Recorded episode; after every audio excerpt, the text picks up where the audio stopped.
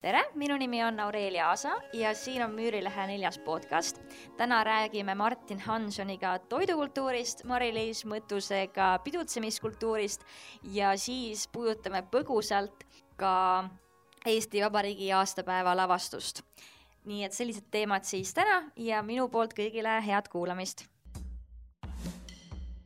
ja nüüd on siin minuga Martin Hanson, kes on äh, maitsed.ee toimetaja ja ka mitmete kokaraamatute autor ja kõigepealt äh, alustaksimegi siis oma toidukultuuri teemat äh, võib-olla sellega, et räägiksime veidikene Eesti rahvustoidust. kuidas sul on tunne, kui palju üldse tänapäeva eestlased tegelikult mingit rahvustoitu tarbivad? jah, see on niisugune küsimus, et Eesti rahvustoitu kui sellist ju põhimõtteliselt ei ole olemas noh, on olemas, aga, aga me ei ole markeerinud seda selliselt. kui sa mõtled Itaalia, Prantsuse, Venemaa peale, sulle hüppavad ju pähe kohe mingid asjad. Eestiga on, noh, mis meil on rahvustoit, loomulikult meil on Põhja-Eestis on silmud, Lõuna-Eestis on setutoidud ähm,, mulgikapsad seal vahepeal, erinevad muud asjad, ütleme, räägime Peipsi ääres terve see sibulate, küüslaugu, kala ja, ja ütleme siis kurkide teema, eks ju et noh, me saame markeerida mingisuguseid kohti, kust mingid Eesti toidud tulevad. aga noh, Eesti toit on see, mida inimesed siin söövad. hakkliakaste on põhimõtteliselt Eesti toit äh,. kilu munaga samamoodi, eks ju. et äh, ma arvan, et eestlased söövad Eesti toite üsna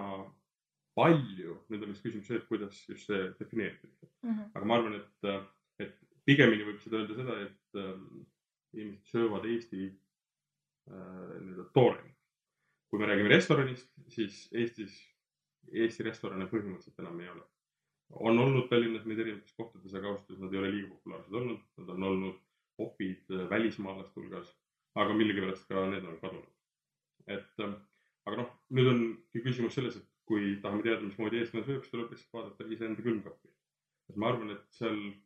täna noh, mõjutusi on loomulikult äärmiselt palju, aga ma arvan, et äh, hea hernesupp, suitsuliha ja, ja kogu selle vilega on, on kindlasti vastavalt ajal kindlasti kõikides kodudes. Ähm, samamoodi kindlasti on meil jõulutoidud, mis on äärmiselt konkreetsed, see jõululaud on praktiliselt igal pool samasugune. noh, mõned siin katsetavad võib-olla linnuga teinekord, aga ta on ikka üks sama seapraad. ja noh, mina üldiselt sealiha väga ei söö, aga noh, jõule ma ei kujutaks ette, et me teeks midagi teistmoodi.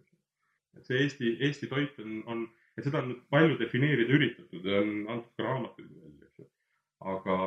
ega me lõpuni meil niisugust mingit ühtset vaadet sellele ei ole, me teame lihtsalt mingisuguseid noh, kuidas traditsioon, traditsionaalselt on söödud. aga kui veel, veel ühe nüansina tulla või minna nagu ajalukku, siis ega see Eesti toit on ikkagi lõpuks saksa, vene ja läbi Vene siis Prantsuse päritolu ja kui me läheme veel kaugemale, siis põhimõtteliselt Hiina mm. -hmm. ehk et noh, toidu niisugune ähm, ma ütlen siis, antropoloogia on, on nagu äärmiselt huvitav. hakata mõtlema, kust, mismoodi toidud on kuhugi tulnud. kas sa arvad, et eestlased muidu söövad liiga palju liha näiteks? kuidas sul tunne on? ma arvan, et eestlased söövad liiga palju.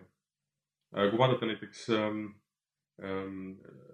Toidu Arengu Instituudi nii-öelda neid äh, toidupüramiide, siis loogika on see, et äh, selle aluse valmistavad juurviljad, siis on puuviljad, teraviljad piim ja kõige tipus on liha, kala on seal kuskil keskel. kui vaadata reaalsust, siis me sööme ikkagi väga palju leiba, väga palju piima, noh piimatooteid üldse ja, ja liha. ehk et me oleme seda traditsionaalselt teinud palju ja ma arvan, et ütleme nüüd ka valmistoodete ja, ja kogu selle nii-öelda maailma lihtsustumisega heas mõttes, et on võimalik võtta nii-öelda valmistoite. see protsent on veel kõvasti muutunud ehk et jah, me peaksime kindlasti muutma seda proportsiooni ehk et juurvilju peaks sööma peamiselt ja noh, mina, noh, on olemas selline termin nagu fleksitarism. ja see on põhimõtteliselt taimetoitlane, kes aga sööb ikkagi ka liha. Mm.. ehk et mina olen võib-olla niisugune mitte väga noh, äärmuslik, aga, aga ma eelistan toitu, kus on jõuliselt palju juurvilju ja ütleme, kasutangi pigem mõtet, lihamõtet sellena, et ta ongi nagu maitseaine seal peal sest no olgem ausad, liharasvas on maitse ja, ja nii-öelda see umami, mis teeb ta tugevaks, annab toidule sellise nagu sügavuse ja tugevuse. et äh, puhtalt maitsete pärast, aga ütleme selleks, et saada nii-öelda vajalikud toitained, vitamiinid, mineraalid selleks on ikkagi nagu juurviljad kõige, kõige parem. ja noh, ma, ma ei ole, ma ei ole vegan, ma ei ole nende sõnumi kandja mitte mingil juhul, aga ma mõistan neid. aga samas teisipidi noh, ma ei tea ühtegi looma, mis kasvaks maast. ehk et, ehk et algus kogu, kogu meie toitained, kõik proteiinid, süsivesikud, valgud, rasvad, kõik tulevad tegelikult ikkagi nii-öelda juurviljadest, mis siis nii-öelda ekstraheeritaval kombel lihana jõuavad lihtsalt paremini meieni. jah, mm, vastus on yeah. jah, ole palju liha. jah, sest Eesti puhul on see kuidagi väga huvitav, et äh, ikkagi see lihaarmastus äh, on väga suur, et kasvõi kui me vaatame neid lihalette, pluss siis näiteks äh, siga ju, mida võiks mõnes mõttes pidada selliseks, äh, kuidagi sellest on suudetud siis kuvandada meie selline tõeline jah, rahvustoit. aga teiselt poolt ongi see, et, et ega vist väga nagu, kui ma mõtlen laiemat pilti, siis ega vist väga vegansõbralik riik Eesti ei ole, eks see muutub kindlasti varsti või noh, ma arvan, et ajapikku, aga kuidagi Eestis see liha söömine, mul on tunne, et see on nüüd kultuuris nii sees, et see loob ka neid äh, väga tugevaid äh, debatte tihti just nimelt äh, selle kahe vahel. aga kuidas sa üldse arvad, et tänapäeval me räägime väga palju sellisest äh, tervislikust toitumisest, on ju, et igal pool on selline hull sihuke get fit lifestyle. et kas sina ise arvad, et sellise liiga tervisliku toitumisega, et tal on mingi gluteenivaba ja nii edasi, on ju, et, et kas sellega võib ka liiale minna või, või, või ongi see, või peaksime me kõik väga palju oma toitumist jälgima? ma olen mõelnud selle peale pikalt kui me vaatame näiteks jaapanlasi ja nende väga pikaealisuse ja, ja pikalt äh, tervena elatud aastate saladus on moderatsioon. ehk et nad ei pinguta nagu otseselt millegagi üle. et noh, ma arvan, uue ühiskonna ja, ja noore nii-öelda noh, siiski me peame lugema ennast nagu nooreks, uuesti sündinud nooreks rahvaks, siis äh, need niisugused laste haigused tuleb nagu läbi põdeda ja need hullused äh, tuleb läbi teha üks asi, mis tuleb, mida peab tähele panema, on see, et see, et on kõva hääl, ei tähenda, et on suur mass selle taga. tegelikult ega Eestis neid veganeid väga palju ei ole. Äh, väga nii-öelda ekstremaalsete toitumisharjumustega inimesi tegelikult väga palju ei ole, nende hääl on lihtsalt väga tugev. nüüd ähm,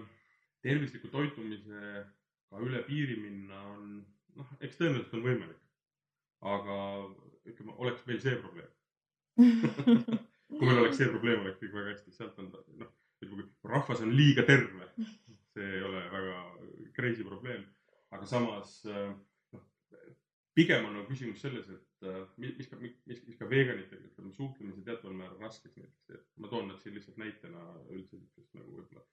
eh, ekstreemsusse minevatest äh, suhtumistest äh, toitu, on see, et nad on liiga jõuliselt oma asjast väljas ebameeldiv on nendega istuda lauas, süüa liha, kui sa nii-öelda kuklas keegi kogu aeg nagu noh, vaikselt togib, eks ju. et ähm, põhiline ikka toitumise juures on see, et tuleb süüa nii, nagu endale meeldib. ja tuleb süüa selliselt, et äh, ka, ka kümne, kahekümne, kolmekümne aasta pärast oleks nagu äge olla ja hea olla ja terve olla, mitte et peaks hakkama krõbistama ravimeid ja noh, see tundub lihtsalt ju idiootne. aga tulles selle eelmise teema juurde korraks tagasi liha ja, ja ütleme siis äh, selle võib-olla ületarbimine. noh, me peame hästi kiire, lihtsalt nagu aru saama sellest, äh, kus me elame. praegu, kui me seda juttu räägime, on väljas umbes miinus kaksteist kraadi, tuiskab tuul ja, ja, ja, ja lumi ja noh, ütleme puhtalt salati peal oleks ikka päris ebamugav olla. ehk et äh, see liha lihtsalt on niivõrd tugev toiduaine, mis annab lihtsalt palju energiat kohe kiiresti. et äh, paratamatult, ütleme loomulikult suvel ja see sesoonne söömine on hästi-hästi oluline, et sa toitud äh, sellest, mis konkreetselt praegu kasvab ja kätte on saadav. aga noh, praegu meil lihtsalt on aeg selline, kus tuleb lihtsalt nii-öelda üle elada ja, ja noh, lõppkokkuvõttes toitumise, söömise mõte on see, et sinu muu elu oleks aktiivne. et sa, et sa saaksid tööl käia, lastega olla, perega olla, trenni teha, reisida, lugeda, et sa ei oleks õhtul kell seitse nii koolnud, et sinu ainus viis on olla vertikaalselt teleka ees ja oodata nagu järgmist päeva, noh, see, see vegetatiivne seisund, sellel ei ole nagu väga palju mõtet. jah, mul on äh, väga päris palju siukseid äh, veganitest äh, sõpru endal, et nemad on kõik väga sellised sõbralikud, aga jah, ükskõik mis liikumine ühiskonnas, kui ta muutub radikaalseks, siis alati seal on hästi see tugev vastandumine on ju ja, ja loomulikult, et see ei ole väga tervislik igatpidi, ma mõtlen siis tervislik suhtumise mõttes. et, et aga noh, õnneks on väga selliseid positiivseid äh, liikumisi ikkagi ka, et, et just see lihavabad jõulud näiteks, mida on, mida on tehtud ja samamoodi see jaanipäev. et, et selles mõttes on, on tore, et, et kuivõrd tegelikult liha mõttes räägitakse just ju väga palju sellest äh, ökoloogilisest jalajäljest, mida see lihatööstus äh, teeb. aga võib-olla, kui me vaatame natukene sellisesse tuleviku toidumaailma, siis on räägitud näiteks väga palju äh, putukatest, aga kusjuures mina olen vaadanud ühte, ma olen vaadanud mitmeid selliseid äh, dokke sellel teemal juba, aga üks äh, kahe tuhande kuueteistkümnenda aasta dokumentaal, sihuke asi nagu Paaks, tõi põhimõtteliselt siis välja selle tendentsi, et et, et kui isegi hakatakse kasvatama putukaid, kui see juba läheb massidesse, siis sellest saab täpselt samasugune tööstus nagu näiteks lihatööstus või samamoodi ka puuviljatööstus tänapäeval. et noh, mõistagi see ökoloogiline jalajälg seal taga on, on väga palju väiksem, aga ikkagi, et sellest saab tööstus, aga aga kuidas sina üldse näed seda tuleviku toidumaastikku või millised on need trendid üldse või mis toiduaineid me hakkame kasutama? korraks algprobleemi juurde, meid on seitse pluss miljardit inimest siin planeedil ja siin on täpselt kaks lahendust, kas me lihtsalt. ja ma ei ole mitte mingil juhul genotsiidi poolt, aga ütleme, vähendame drastiliselt seda inimeste hulka, mis on üsna ebatõenäoline, eks ju. või siis hakkame targemini sööma, mille hulka kuuluvad ka putukad, jah. no muidugi noh, esimene reaktsioon sellele on see, et noh, et kuidas me sööme putukaid. noh, ütleme niimoodi, et need ei hakka kunagi tulema putuka kujul, need toidud, vaid need on pigem jahu või, või mingisugune nii-öelda juba valmistatud toode nendest nii-öelda putukatest, see proteiin kätte saada. noh, tuleviku toitumise osas on hästi palju igasuguseid dialoogi peetud, igasuguseid mõtteid äh, vahetatud ja noh, ega seal nagu ühest vastust ei ole ja kindlasti ei ole seal ka ühest lahendust. ehk et jah, putukad tulevad, nad jõuavad meie toidulauda, aga ma arvan, nad jõuavad sinna selliselt, et ega me seda ei hakkagi märkama. me sööme ikka oma seda, teist või kolmandat, lihtsalt üks osa sellest, mis iganes jahust või ollusest sinna sisse on pandud, tuleb lihtsalt teisest nii-öelda ainest, kui me seda harilikult oleme harjunud nagu saama. aga ütleme niimoodi, et äh, fakt on see, et äh, planeedi pind on hästi konkreetne, ta väheneb kahjuks äh, nii-öelda kliima soojenemisele ähm, ja, ja ütleme, see viljakas pinnas väheneb ja ütleme, toidu valmistamine või kasvatamine on muutunud nii-öelda kriitiliseks. noh, mis on jällegi selles mõttes ma ei kujuta nüüd ette, kas see, kas see reaalselt niimoodi läheb, aga paratamatult peaks ju hakkama vähendama ka rahvaarvestikku, rahvastikku. lihtsalt mitte, mitte sellega, et nad hakkavad, ka sellega, et tõenäoliselt lihtsalt näljahädad muutuvad suuremaks, aga lihtsalt ka inimesed ei, ei, ei, ei valmi nii palju. aga ma arvan, et toit kui selline, ega ta lõpuks liiga palju ei muutu. et kui me vaatame erinevaid nii-öelda ka ulmekirjanduse nii-öelda lähenemisi sellele, me hakkame sööma mingisuguseid batoonikesi, mis on sajaprotsendiliselt, annavad meile kõik asjad. muuseas, need tooted on siin täna juba olemas. Ehm, Huel näiteks äh, Inglismaal või Solent, mis on äh, Ameerika nii-öelda päritolu ja ka Eestis on mõni sihuke preparaat olemas, põhimõtteliselt me saaksime mingisugusel vedeliku kujul need toidud ja see, need, selle energia, kõik need ained endale sisse. aga noh, mina ei kujutaks ette sellist toitumist. noh, kohutavalt nürinad, maitsevad üsna jälgilt. ja noh, mina ei tahaks seda, aga noh, ütleme tulevik äh, põhimõtteliselt äh, on ikkagi selles suunas, et kuidas võimalikult väikse pinna pealt ja võimalikult palju tooreneid saada, noh ja kahjuks see tähendab seda, et me oleme nii-öelda Monsanto laadsete nii-öelda kasvatustehnoloogiates kinni. Nad on lihtsalt, GMO on lihtsalt palju-palju viljakam ja palju võimsam. paraku ei ole piisavalt kaua veel tehtud nii-öelda uuringuid, mis selle mõju, pikaajaline mõju inimesele on aga ega inimene sööb ikka samamoodi neid samu asju. Lihtsalt jah, küsimus on see, kust, kust need pärit on, et äh, üks nüanss, mis veel on, mida kasutatakse ju linnades, on linnapõllundus ja on ka äh, isegi linnafarme ju ehitatud, ma tean Londonis kuskil nii-öelda vanades katakombides või olid need metroojaamad või metrootunnelid on põhimõtteliselt ehitatud ju mitmekihilised äh, farmid, kus kasvatatakse ürte ja, ja erinevaid asju noh, see täna on veel niisugune nipet-näpet. Aga see võib olla täitsa, täiesti reaalne. fantaseerida võib palju, aga, aga ma arvan, et putukatest tehtud mingisuguseid batoone ma veel lähiajal nagu ainult sööma ei hakka, et ikka liha ja kartul ja mingisugune kaste ja ma arvan, mul endal vähemalt on tunne, et see võib olla ka selline kultuuriti hästi erinev, et näiteks ma kujutan ette, et kui me räägime sellistest maailma suurlinnadest, kus niikuinii selline take away toit ja selline kiire toitumine on väga populaarsed, siis äh, kindlasti seal selline batoonike näiteks võib väga hästi töötada, et sul ei olegi vaja mingit maitseelamust, sa sööd selle ruttu ära ja lähed päevaga edasi aga kindlasti Eesti selles mõttes on maailma mõttes veel äh, ikkagi äh, noh, ääretult selline roheline maalähedane riik, et samamoodi, et siin isegi ei ole see noh, linnades ka loomulikult kasvatatakse tomateid näiteks kuskil rõdude peal, aga siin on veel ka paljudel maakodud alles ja, ja mul on tunne, et isegi on selline teatav movement, et mingid inimesed uuesti üritavad siis maale maja osta, et saaks ikkagi ise lihtsalt kasvatada et millest on muidugi kahju, on see, et, et arvatavasti ma ei kujuta ette, kui, kui kaua on võimalik, et maailmas on nii palju maad, kui sa saad ise kasvatada midagi, et ma ei tea, et, et see on muidugi nagu selline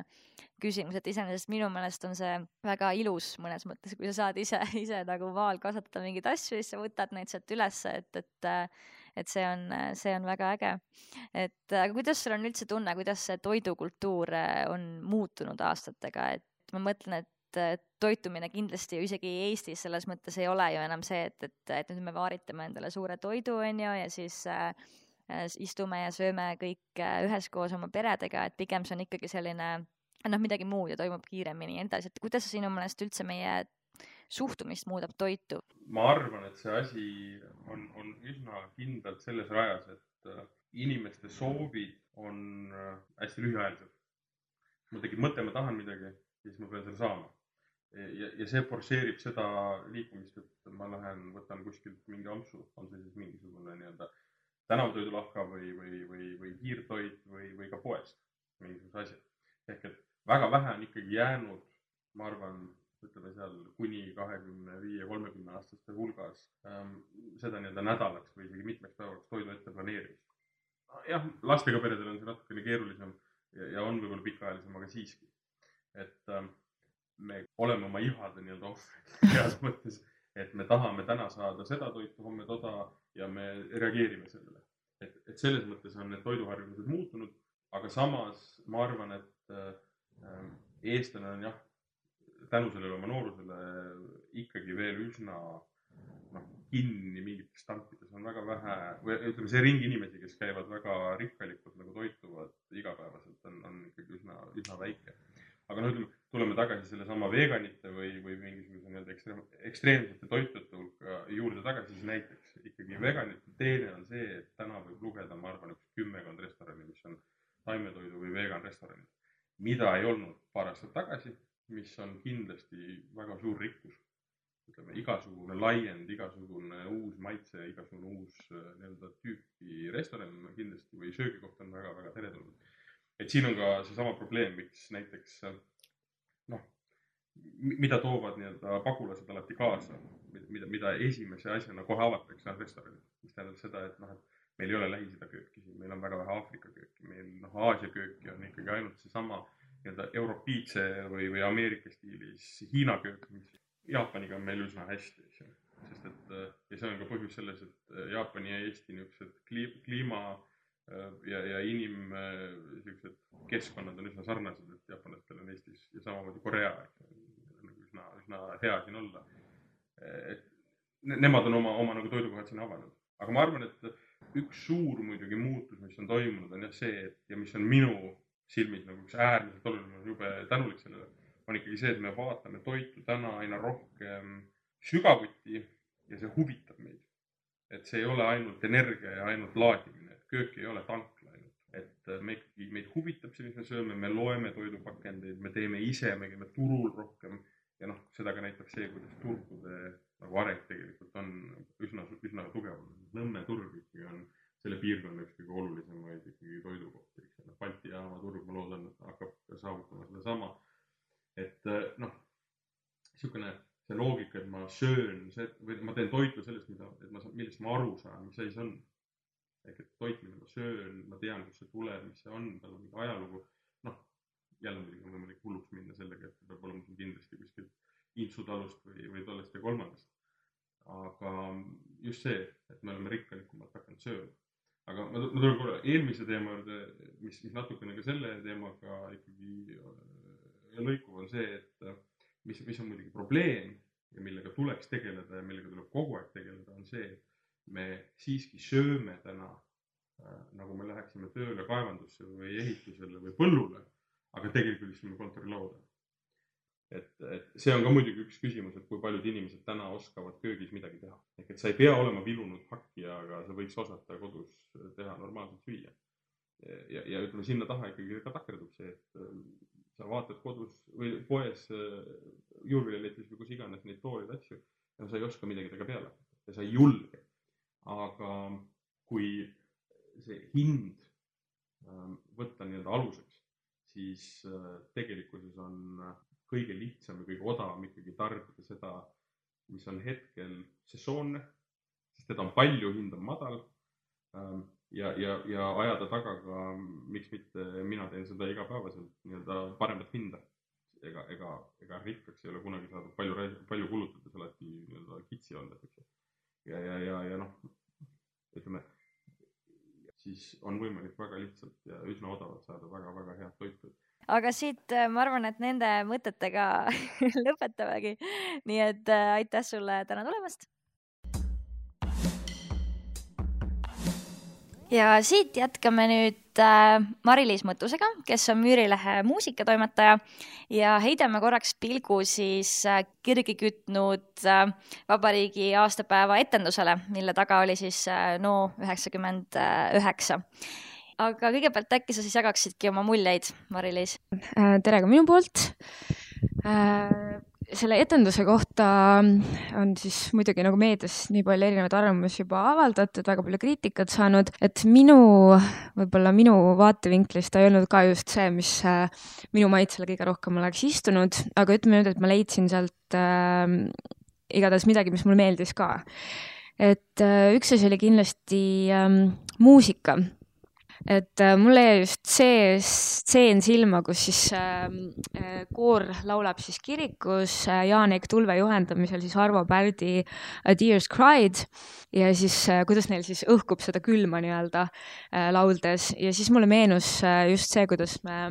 ise jõulude aeg koolis käisime, kui alati oli äh, maal, siis kirik oli kütmata hästi külm oli. Ja, ja siis mul tuli lihtsalt selline konnotatsioon selle, selle no Äh, filmiga nii-öelda seoses. ja muidugi noh, absoluutselt Sven Grünbergi ja Elleri lugude kasutamine, et ma arvan, et, et selle filmi kaudu kindlasti jõudsid need, need lood nüüd ka inimestele võib-olla veel lähemale ja muidugi ma arvan ka, et see muusikavalik äh, oli, õigustas ennast äh, igati ja kindlasti tõesti muutis selle lavastuse või siis selle filmiprojekti väga tugevaks ja tseen, millele on siis ka väga palju juba juhitud äh, tähelepanu kindlasti, mis pälvis pigem siis sellist positiivset äh, kaja, oli just nimelt siis äh, metsatseen, kus need harvesterid tulid ja need puud langesid. et kindlasti see kõnetab väga, et siis Eesti sellist äh, metsapoliitikat, ta teeb siis kriitikat Eesti metsapoliitika suhtes ühelt poolt ja siis äh, samas see tseen äh, kindlasti oli just selles mõttes ka väga hästi välja mängitud, et kogu see hele valgussähvatus, mis siis lendas sellele naisele näkku, et see kõik kuidagi võimendas siis seda ja muidugi kui mitte ükski asi eestlasi selles mõttes ei ühenda, siis mets või loodus või just nimelt siis selline armastus äh, looduse vastu kindlasti see ühendav lüli on. aga mis mul on tunne, et võib-olla kütab neid kirgi just nimelt suuremaks, on, on kindlasti see raha teema. et, äh, et kindlasti see raha alati nii-öelda paneb siis rattad käima, nagu ka Eesti vanasõna ütleb, et kui kuskil riigi raha jagatakse, siis tavaliselt on seal hästi palju vastuargumente. mulle jäi silma, et nädalapäevad tagasi Siim Nestor kirjutas siis äh, olümpiast ja tõi just välja ka selle, kuidas olümpiale minejaid või olümpiasportlasi siis tihti materdatakse, et et kuivõrd nad on siis sinna saadetud riigi raha eest ja, ja sinna treeningute alla pannakse ka ikkagi päris suuri summasid. et, et siis äh, kuidagi inimesed ei suuda sellega leppida, kui nii-öelda sellist medali tulemust ei tule. et, et justkui äh, ongi selline suhtumine, et äh, kui riik annab raha, siis too parem medal koju. et sellist suhtumist on märgata hästi palju ja Siim Nestor siis tõi välja, et võiks olla rohkem sellist suhtumist, et las nad siis suusatavad. et minu meelest sedasama suhtumist võiks siis ka asetada üleüldise kultuuri konteksti mõnes mõttes, aga ka siis näiteks sellesama lavastuse konteksti, et see vastukõla on kuidagi üllatavalt äh, suur. Ja et selles mõttes, et äh, mul jäi veel äh, meediast silma Ando Kivibergi arvamus sellest, et kuidas see film nagu jõuab nagu hiljem kohale või see, et noh, et kui sa seal kohapeal seda esimest korda vaatasid, et see ei olnudki nagu võib-olla kohe arusaadav, aga tegelikult noh, need sümbolid, mis sinna olid peidetud, et noh, ma ikkagi nagu soovitaks natukene süveneda ka, et, et see ei olnud lihtsalt äh, laste hirmutamiseks äh, tehtud tükk, eks ole. et äh, et jah, et neid sümboleid äh, tasub kindlasti sealt otsida ja ma arvan, et siis on nagu ka selle tüki mõtestamine natuke teistsugusem. ja mis on ju tegelikult väga hea, on see, et seda saabki järgi vaadata, et justkui, et see ei ole selline ühekordne lavastus, vaid äh, tõesti, et see on siis äh, filmina jääb loodetavasti siis ajalukku või, või noh, et vähemalt siis, et seda saab järgi vaadata. ja üks, üks mõte võib-olla veel, et et, mõnes mõttes äh, ka Ando Kiviberg vist äh, tõi seda minu mäletamist mööda oma arvamuses välja, et, äh, et justkui oleks soovinud midagi sellist mis sobiks võib-olla rohkem kõigile või kõnetaks kõiki, et see ei olnud justkui see, mida pidupäeval siis oodati. et seda, seda sarnast arvamust käis päris palju läbi, räägiti ka sellest, et kordki võiks olla kuskil niisugused tantsivad õnnelikud lapsed, et päris mitu sellist arvamust oli ka.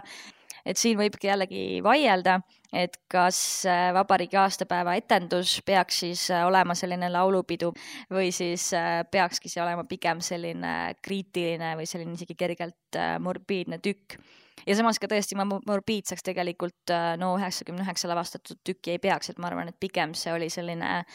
must huumor jah, ma arvan ka seda, et, et tegelikult nagu mitmekesisus on hea, et nüüd me oleme sellise külle siis ka ära näinud sellest. nojah, muidugi ilmselt noh, ma olen täheldanud seda, et väga palju, eks me vaidleme ikkagi asjade puhul või noh, viimasel ajal just on väga palju selliseid vaidlusi teemadel, mille puhul nagu ei oska öelda, et kas on õiget või valet vastust. et mulle tundubki, et et noh, kuigi enamus praegu ikka kisub sinnapoole, et see ei olnud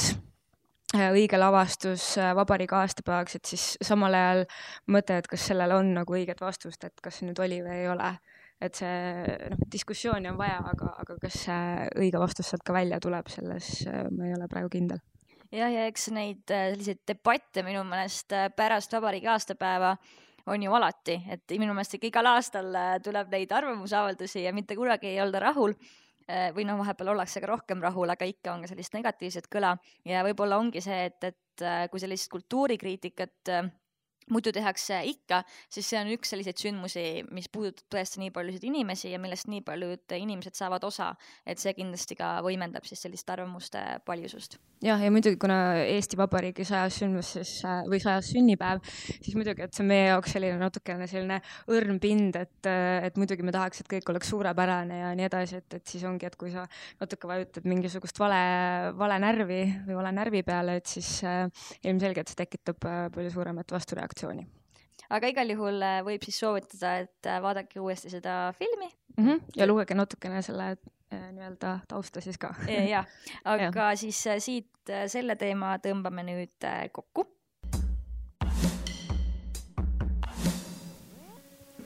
ja nüüd jätkame siit Mari-Liisiga tegelikult mõneti sarnasel rajal ja hakkame siis rääkima biokultuurist.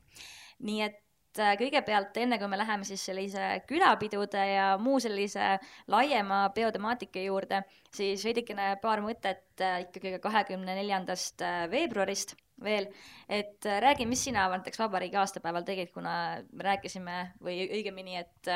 oli ju väga suur juubel ja väga palju toimus, et, et kas sina tähistasid ka seda päeva kuidagi eriliselt? Äh, mina ausalt öeldes väga eriliselt ei tähistanud, ma olin lihtsalt vanematega koos maal ja minu jaoks oli see juba piisavalt suur asi. ja vaatasimegi siis hommikul paraadi äh,, niisama telekat tuhat üheksasada nelikümmend nelja ja siis õhtul muidugi vastuvõttu, isegi kiluvõileibu ei, ei teinud, et, äh, et üsna selline rahulikult kulgenud päev oli see ja mina tegin kilu võileibu ja kusjuures kilu oli poodidest otsas, nii et valitses kerge defitsiit. Ja lisaks ma tegin ka mulgiputru ja kartulit ostsin turult. nii et oli selline väga õige Eesti värk, aga jah, tõesti oli näha väga palju inimesi linna peal, kõik olid üllatavalt rõõmsad, mis oli väga tore, et lavastust ei olnud veel tulnud, nii et draama polnud üles kistud, kõigil oli hea tuju nii et äh, jah, olid sellised küllaltki positiivsed äh, meeleolud. aga kas sul on tunne, et selline selle päeva justkui eriline tähistamine või see, et sellest äh, Eesti Vabariigi sajast nii palju räägiti. et loomulikult ühelt poolt on hea meel, et äh, Eesti on äh, nii vana juba või noh, nii noor, kuidas võtta. et, et siis, et aga kas sul on tunne, et selle taga on ka see, et, et inimesed siis selles üha kiirenevas kuidagi sellises maailmas ja sellises infovoos näiteks püüavad tagasi minna juurte juurde või kas sul on tunne, et seal on mingi nostalgia ka sees? Eesti Vabariigi sünnipäeva puhul mul vast sellist nostalgiatunnet ei ole, mul on jäänud mulje, et, et iga aasta ikkagi Eesti Vabariigi sünnipäev on nagu üsna tähtis, et olenemata sellest, et see on nüüd sada, noh, see aasta jah, võib-olla natukene selline äh, suurem selline ülevus oli, oli sees, aga mulle tundub ikkagi, et äh, vabariigi aastapäev ikkagi kõik tunnevad ja noh, elavad Eestile kaasa. et, äh, et jah, pigem see on, see on selline mingi traditsioon, mis on nagu minu mäletamist mööda või niikaua, kuni mina mäletan, on ikka kogu aeg olnud.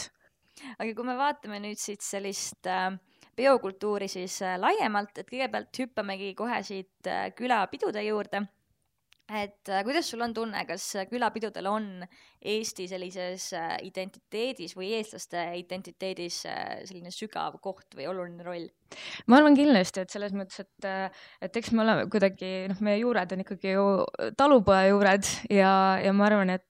et need on ikka päris olulised, et äh, noh, kui vähegi võimalik või kellel maakohad on, et siis äh, ma arvan, et see on üks osa nii-öelda eestlaslikust identiteedist, et sa lähed näiteks äh, jaanipäevaks maale, teed lõket,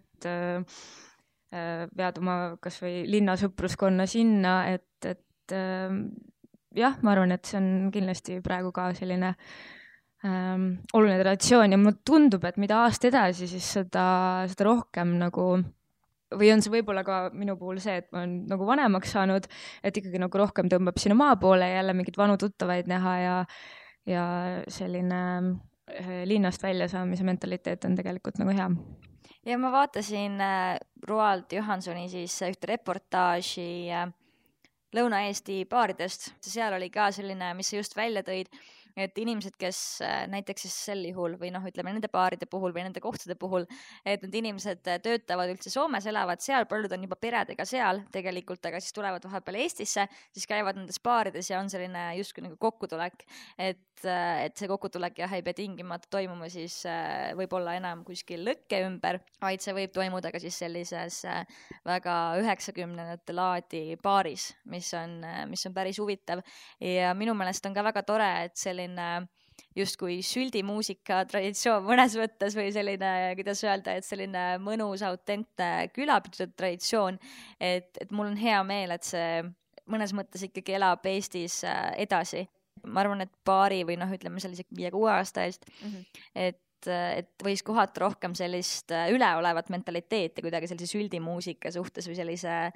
ka üheksakümnendate popi suhtes näiteks, et, et kuidas sul tunne on, kas selline asi on nüüd muutumas, et kas me pigem äh, vaatame sellele niisuguse nostalgiaga või on ikka veel sellist äh, kerget ülbuse vaibi tunda selle suhtes? jah, mul on niisugune tunne, et äh, noh, jällegi ma pean sisse tooma Triin Ruumeti filmi Päevad, mis ajasid segadusse, et jah, no üldse ül, kogu maailmas üheksakümnendad on teinud ju nii suure comeback'i, nüüd ma arvan, et mulle tundub, et see on natukene võib-olla leebuma hakanud, aga kogu see, see selline üheksakümnendate vaimustus ja sellega kaasas käinud selline arhiiv või, või siis äh, see kultuur on äh, selle kaudu nagu uuesti esile tunginud ja, ja minu arust äh, viinud ka natukene ära seda sellist häbiväärsemat mentaliteeti. et jah, võib-olla isegi paar aastat või mõned aastad tagasi ma mäletan, et noh, et võib-olla tõesti ei taha tunnistada, et oh, mulle meeldivad nüüd need üheksakümnendate lood, aga nüüd on jah, kuidagi nagu selline selline hea nostalgia nendega. jah, et, et ma arvan, et et, et selline häbi tundmise, häbi tundmine on ilmselt nagu kadunud. jah, ja tegelikult, kui võtta, siis äh, see muusika tõesti, et, äh, et see üheksakümnendate vibe küll jah, filmis on äh, võib-olla nüüd jälle tagasi tõmmanud, pigem ka juba see, juba kahe tuhandendate alguspool siis teeb comeback'i filmides ka, aga lihtsalt, et et ka Eestis ju näiteks Ivo Linna on väga populaarne ühelt poolt loomulikult see näitab seda, et oma selliste vanade tegijate suhtes tuntakse austust, aga teiselt poolt kindlasti, et, et seal on, ma arvan, ikkagi mingi nostalgia maik juures, et miks see on mm -hmm. niimoodi au sisse tõusnud ja on ju ka uusi tegijaid, et äh, näiteks DJ Heiki, mitte et ma võrdleks nüüd teda Ivo Linnaga, aga Mhm. lihtsalt mm -hmm. need, kes võib-olla ei ole kuulnud, siis DJ Heiki on äh, päris populaarne nimi. et temast tehti just üks äh, Eesti lugu, üks äh, siis lühidokumentaal, mida varsti ETV-s näha võib ja temast on kirjutatud ka Eesti Ekspressis. jah, et DJ Heikist oli siis reportaaž äh, tema põhiline esinemiskoht on siis Tartus äh, Zodiaagi kohvik, mis, kus ma olen ise ka ühe korra käinud ja see on ikka nagu totaalne sellise mõnusa ähm, keldri, keldribaari sellise vibe'iga. Ja DJ Heiki siis astub seal päris tihti ülesse ja toob siis äh, maja rahvast täis, joogid saavad otsa kohe peo alguses ja nii edasi. ja DJ Heiki kohta oli siis reportaaž ja ta ise ütles ka, et et rahvas nõuab midagi koomilist, ehk siis DJ Heiki puhul on see, et ma, ma ei ütleks, et tema nii-öelda teosed oleks vist kõige suuremad nii-öelda meisterklass, aga, aga just, et see mingi karakter või et et selle, selle muusika kõrval tuleb seal mängu nii palju erinevaid mingisuguseid selliseid ma ei tea, kas semiootilisi, antropoloogilisi märke, mis minu arust nagu muudavadki siis selle Heiki mingiks fenomeniks. et seal on nii-öelda just see keskkond, kuhu ta on asetatud, siis natukene selline ähm, jah, selline halva, halva maitse ja siis sellise äh, kõige segunemine, et, et äh, et minu arust see on huvitav nähtus, mis, mis ilmselt tõmbabki inimesi ja siis äh, tegelikult Eesti Ekspressis äh, ka on kirjutatud äh, just nimelt Süldi muusikast veidikene pikemalt, et ma küll ei tahaks praegu öelda, et DJ Heiki teeb süldimuusikat, et ei taha siin kedagi solvata, aga eks seal veidikene on sellist äh, nišimaiku kindlasti juures äh,, ma arvan. aga siis Tiina Jõgeda on Eesti Ekspressis kirjutanud, et äh, ühelt poolt siis süldimuusika loomulikult seal on siis see nostalgia, aga ta pakub siis äh, turvatunnet, ehk siis kuna ta on niivõrd äh, tuttav ja niivõrd selline korduv ja meie mäludesse niivõrd siis äh, kuidagi kinnistunud, et siis, kui me seda kuuleme, et siis see tekitab meis sellist teatud äh, turvalisustunnet, turvalisuse tunnet siis just selles mõttes, et äh, noh, näiteks ütleme, kui möödas on kümmekond aastat ja sa lähed siis oma sellesse väiksesse kodukülla ja paned peale võib-olla mingi õige sellise Eesti jaanipäeva klassiku, et siis sa tunned, et, et maailmas on kõik ikkagi hästi, et midagi sellist ma vähemalt lugesin sealt välja, et kuidas sul tunne on, kas süldimuusika võib tekitada eestlastest, eestlastest sellist äh, tunnet või, või ei? jah, no see turvatundega, et kui ma isiklikult mõtlen niimoodi, ma nagu ei ole kunagi sellist turvatundena seda defineerinud, aga, aga muidugi on hea, kui sa kuuled mingit tuttavat lugu ja saad sellele kaasa laulda, et selles mõttes, et see noh, jällegi muidugi tekitab mingisuguseid mälupilte, mingit nostalgiat, et, et selles kindlasti võib süüdistada seda. aga mis ma selle Heiki puhul tahtsin veel öelda, et üks asi ilmselt on see, et, et ta on hästi ehe, et ta ei ürita ilmselt olla keegi, kes noh, ta ei ole selline äh, välja joonistatud superstaar, aga ta on just see, et ongi selline, nagu ta on ja ma arvan, et see ehedus on ka miski, mis, äh, mis siin võib-olla inimesi paneb teda kuulama ja vaatama. ja absoluutselt ja üks asi, mis mulle tema puhul väga meeldib, on see, et äh, näiteks mina ei pea viisi, aga mulle ka meeldib väga laulda, aga ma avalikkuses mitte kunagi ei laulaks. aga mulle meeldib, et tõesti DJ Ikis on just nimelt see ehedus ja tihti ta ei tunnegi noh, ütleme, teeb nii, nagu tal tuleb ja, ja kõik ongi hästi ja mõnes mõttes nii peabki tegema, et inimesed tunnevad endast ja elust lõbu. et ei pea kõike nii tõsiselt võtma, et, et see mulle ka tema puhul äh,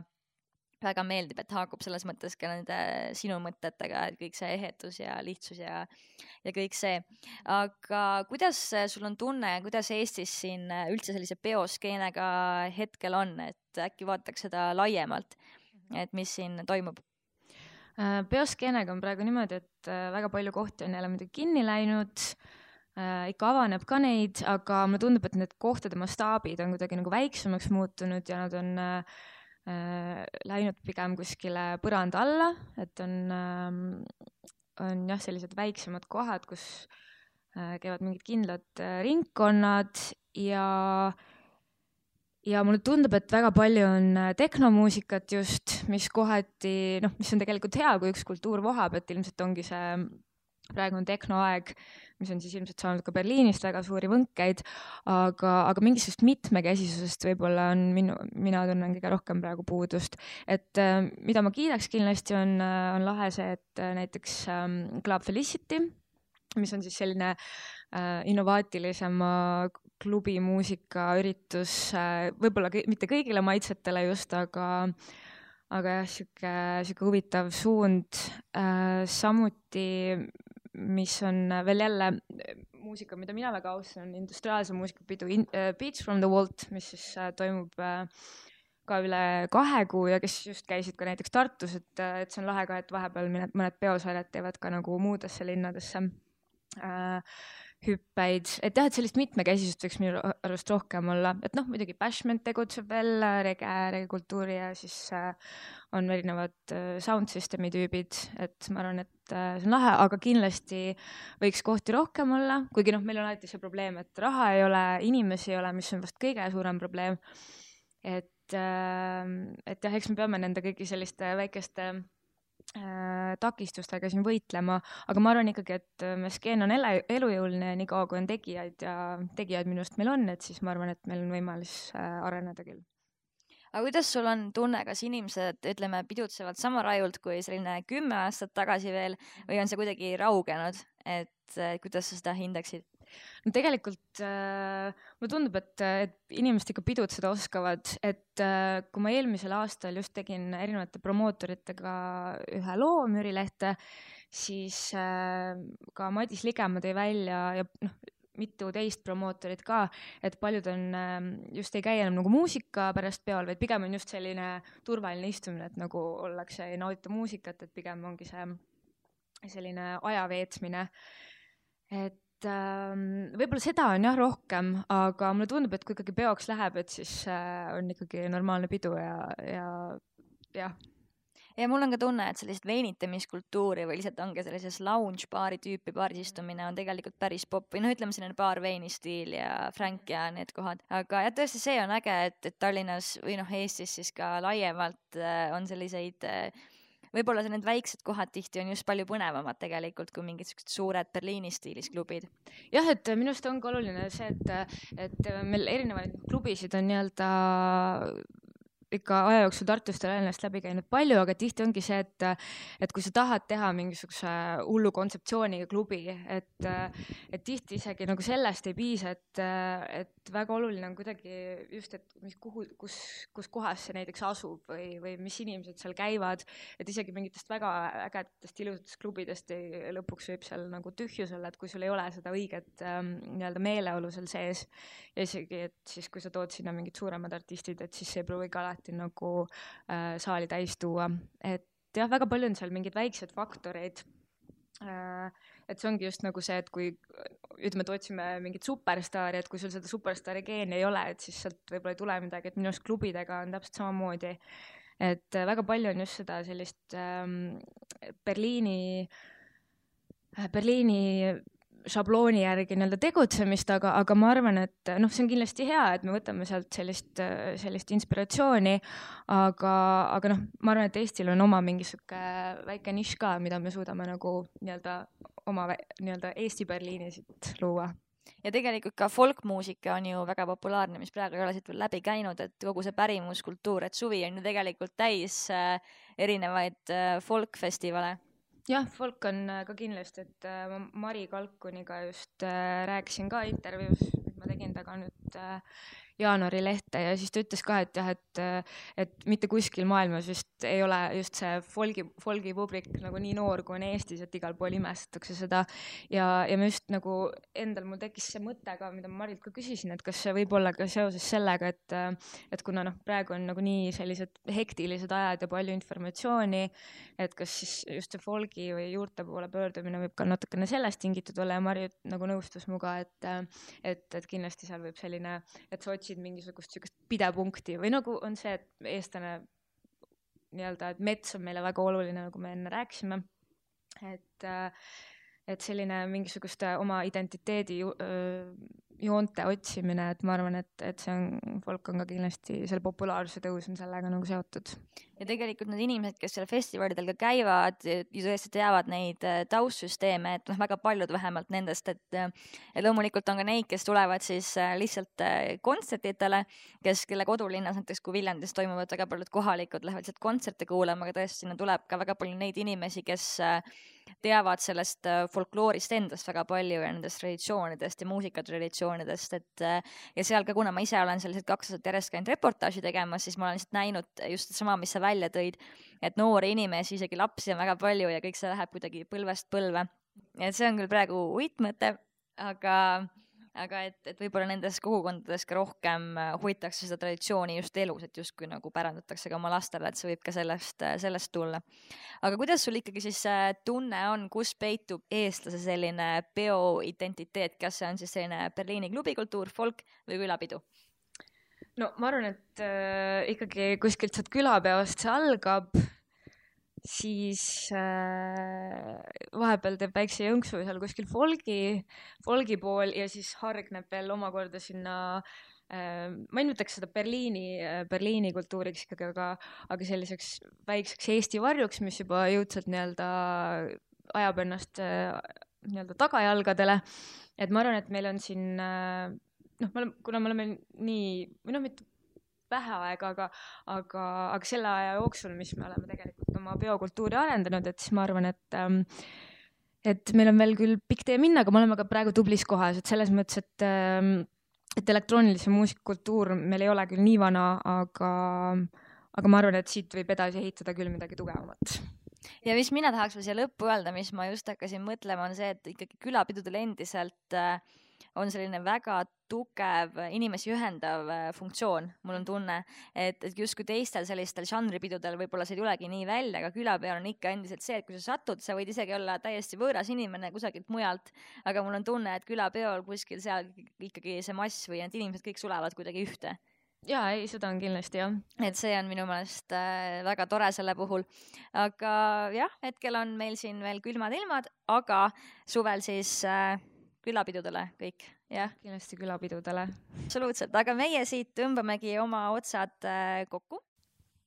sellised olid siis tänased teemad ja uute teemade ja saatekülalistega oleme tagasi juba märtsis, nii et äh, hoidke siis äh, ikka silm podcast'il peal ja muideks me oleme nüüd ka iTunesis, nii et otsige kindlasti meid sealt ülesse, Müürilehe podcast ja siis aitäh kõigile kuulamast